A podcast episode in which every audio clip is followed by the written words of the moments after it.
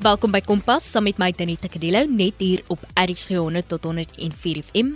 Dit is die laaste maandag van die maand en jy kan natuurlik ook inluister op ons DStv audiokanaal 813 of ons webtuiste rsg.co.za.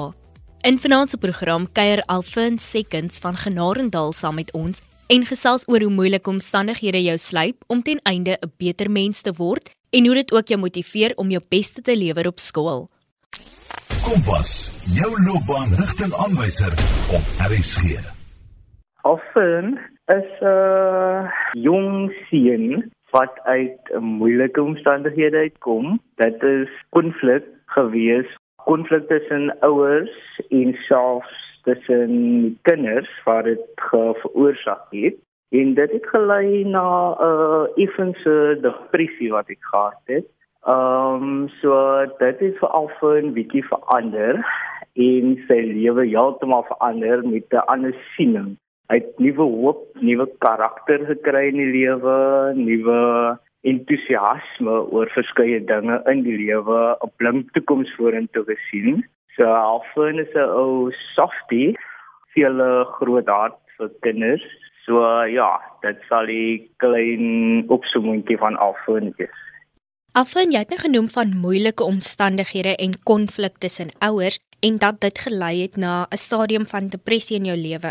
Ek wil net doodseker maak van iets. Al hierdie dinge, jy is nou nog op skool as ek dit reg het. Ja, En jy is nou hierdie jaar matriek en al hierdie dinge het gebeur in jou opgroei jare. So met ander woorde, dit is nie dat jy nou al in jou 20's is en dit dalk gebeur het, miskien in jou vroeë 20's nie. Al hierdie dinge het letterlik gebeur in jou tienerjare. ja, dit het alles in my tienerjare begin. En hoe het jy gedeel hiermee? Wel, op 'n tyd kon ek hier gedeel het. Ek het verskeie Um sielkundiges gesien hieroor en dit het blykbaar gewerk. Die prinsipale het ek gebruik en dit het net dinge meer laat die mekaar gaan vir my want ek het gevoel dis net die goed dat ek net op pille is wat my nou gaan nou kuil laat voel en dit het juist nie 'n verskil gemaak nie. So hoe ek uit hierdie ding uit gekom het was net om die Here in my lewe aan te neem. Ek het meer betrokke geraak die jeugaktiwiteite en meer positiewe mense rondom my wat my nou nie afgedruk het en net vir my bad gemaak het nie en net glad die uh, goeie selfbeeld gehad het nie. So dit het my net gemotiveer om rondom positiewe mense te wees en ja, en dis so dit verander het dat ek nou ontslaag geraak het van hierdie depressie en ja, ons as depressieleiers kan ontslaag raak van hierdie ding. Alfin, jy verwys heeltyd na hierdie ding en dan die omstandighede, maar jy noem nie die ding op sy naam nie. En as jy my toelaat en as jy gemaklik is hiermee, Kan ons bietjie in diepte gaan in die omstandighede waarvan jy praat? Hierdie omstandighede wat veroorsaak het dat jy op hierdie punt van depressie of soos jy sê, hierdie ding dat jy in hierdie ding beland het. Wel, hierdie ding wil ek meer spesifiek oor uitbrei nie, maar ja, hierdie ding soos ek dit noem is um gedurende konflik tussen ouers nadat hulle uitmekaar uit is En dit het net gelei dat ons steeds saam bly in dieselfde huis. Die, die ouers, my ouers kon nie die goed oor die weg kom nie. So dit het veroorsaak konflik tussen hulle twee op 'n daaglikse basis. Ek myself kon nie myself vind nie. Elke dag se sleg vertellery. Dit was net die uh, huis om in te wees waar jy gekoester kan word en aangemoedig word nie. So dis 'n bietjie in detail in vir die ding waarvan ek verwys. Baie dankie Alfin dat jy bereid was om 'n klein stukkie van hierdie omstandighede te deel en dan so ook vir ons beter laat verstaan hoekom jy dan nou op die einde van die dag in 'n depressiewe staat ingegaan het. En ek dink dit is soos jy sê, um geen persoon wil in so 'n huis wees nie. Geen persoon wil daagliks in sulke omstandighede vasgevang wees nie. Wel glad nie, maar as jy in sulke omstandighede vasgevang is, dan ja, jy kan daaruit uitkom. Dis net jou besluit want soms is jy so vasgevang daarin dat jy nie jouself kan bemoedig nie. Jy voel jouself net lei, jy kan nie nooit uit hierdie situasie uitkom nie. Dis hoe mense baie vasgevang word hier in hierdie dinge. Nee, ek het hom so. Ons noem hy sy naam nie, hy is die ding. Alfa en dan wil ek ook net weet, hoe het hierdie omstandighede en alles wat jy moes deurmaak op so 'n vroeë ouderdom en die depressie, hoe het dit bygedra tot jou akademiese groei en prestasie en dan ook belangrik jou persoonlike groei? Wel, ehm um, as gevolg van die omstandighede, die depressie, die angsgevoel, het dit meer gelei tot ek nie akademies kon presteer nie. So om in so 'n huishouding te wees, kan jy nie werklik studeer nie. Jy kan net nie funksioneer op so 'n stadium nie. So dit was my akademiese downfall letterlik. Ek het nie goed presteer op skool nie en dit was vir die afgelope 4 tot 5 jaar op hoërskool en dit het gelei selfs dat ek 'n jaar moes oordoen omdat ek so akademies nie bevorder het nie. So dit het my downfall akademies in in my persoonlike lewe ook geaffekteer. Wel, dit is my die energie wat ek soos 'n normale jong tiener vir die lewe moes hê, dit dit weggeneem van my af. So ek het gevoel ek het nie 'n lewe vir myself nie. Ek het gevoel dat dinge net vasklou aan my en dat daardie berg wat op jou skouers is, net te veel is en daardie berg het my al op die grond gehad, maar after all het ek maar daardie berg gevat en opgestaan. En dit is wat my laat oorkom het oor hierdie stadium. So ek sal elke keer verwys dat ek goed in my lewe het en dit is die groot verandering, die grootste verandering wat dit gebring het in my lewe het. So dit het gemaak dat ek eventually kan sê I've been there, I've done that and I've overcome it. So ja, dit is wat dit gemaak het in my lewe basies.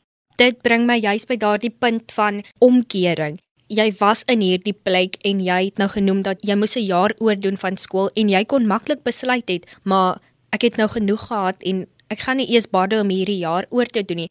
Deur die omstandighede het jy nog steeds die motivering gekry en jy het vir jouself gesê maar jy wil 'n beter toekoms hê en jy is nou in graad 12 en ek wil eens met bietjie gesels oor daardie omkeerpunt. Waar of wanneer het hierdie omkeerpunt gekom OK so hierdie omkeerpunt het begin toe um ek betrokke geraak het by die jeug en dit het gekom dat die jeugleier toe 'n vaderfiguur in my lewe gespeel het. So dit het gekos dat hy my moes werklik elke dag motiveer. Hy het my gehandle en getreed soos 'n eie kind. Um my geïnspireer deur wat hy gedoen het om te gee vir kinders en basies vir my te verander. En na 'n rukkie toe hy in my lewe gewees het, het ek gewoon geraak aan hierdie Christelike lewe en ek het begin bid dat ek uit hierdie omstandighede kom en my ouers het hulle paie geskei so dat dit gebeur en daarna het die vader uiteindelik my gebede verhoor en ons was bevoordeel om 'n nuwe huis te kry en dis waar my nuwe lewe en my nuwe pad begin het Alfenus net 19 jaar oud en is al reeds by 'n aantal inisiatiewe in sy gemeenskap betrokke wat fantasties is. Jy luister na Kompas op RSG. Reg aan die begin het jy genoem dat jy 'n liefde vir kinders en as ek nou luister na wat jy vertel het van hoe jy betrokke geraak het by die jeug hoe hierdie persoon vir jou onder sy vlerk geneem het en vir jou daardie tipe vaderlike liefde gegee het wat jy nie noodwendig gekry het nie, dan dink ek dit het ook grootendeels bygedra tot waar jou liefde nou van kinders vanaf kom, dat jy ook net vir iemand wil help en 'n lig wil wees vir iemand. Wel ja, Tanika, want ek dink dat omdat ek voorheen gesê het I've been there, I've done that, I've overcome it. So uh, omdat ek klaar deur hierdie omstandighede is en ek sien hoe kinders rondom my in my eie gemeenskap ook deur dieselfde trauma en omstandighede gaan, ek dat ek eendag hard suksesvol kan wees en my storie kan vertel aan hierdie jong kinders en ook 'n verskil in hulle lewens kan maak.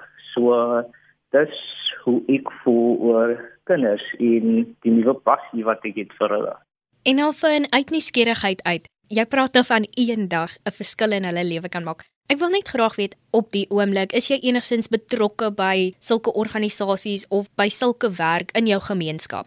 Oh ja, by ons jeug wat ek het in ons klein kerk wat ons het, ehm um, so ja, ek is betrokke met hierdie kinders. So ek is 'n tipe jeugleier. Ek het die kwalifikasies daarvoor nie, maar ja, ek werk met hulle op die oomblik. Ons het elke Woensdag 'n program waar ons werk met kinders. Ons leer hulle oor Jesus. As hulle probleme het, dan kan hulle met ons kom praat en ons kan daaraan werk. So ja, waar ons vir hulle kan verwys na iemand anders wat buitekant ons organisasie of ja, jeug is, kan ons verwys om hulle direk te help in hierdie probleme wat hulle het. So ja, ek is op die oomblik betrokke met kinders. Wat fantasties is want jy ploeg al reeds terug in jou gemeenskap en dit was jou doel op hierdie jonge ouderdom en dan is jy nou nog matriek ook. En dit bring my by die vraag Hoe balanseer jy skool met hierdie ander ongelooflike ding wat jy doen? Wel, dit is easy as pie eintlik. Dit klink hektiek, maar dit is nie hy hektiek nie. Want as 'n matriekleerder het jy nie jy se lewe vir jouself nie. So al daardie parties en goedjies moet jy maar vir my. So ja, so dit is maar net dat ek sit met my boeke elke dag. Ek spandeer nagte op om dit te doen en dis waar ek hierdie spesiale tyd 'n bietjie afgee om hierso by die kinders te wees. So daar's af en toe 'n dag of twee wat ek nou nie saam met hulle is elke week nou nie.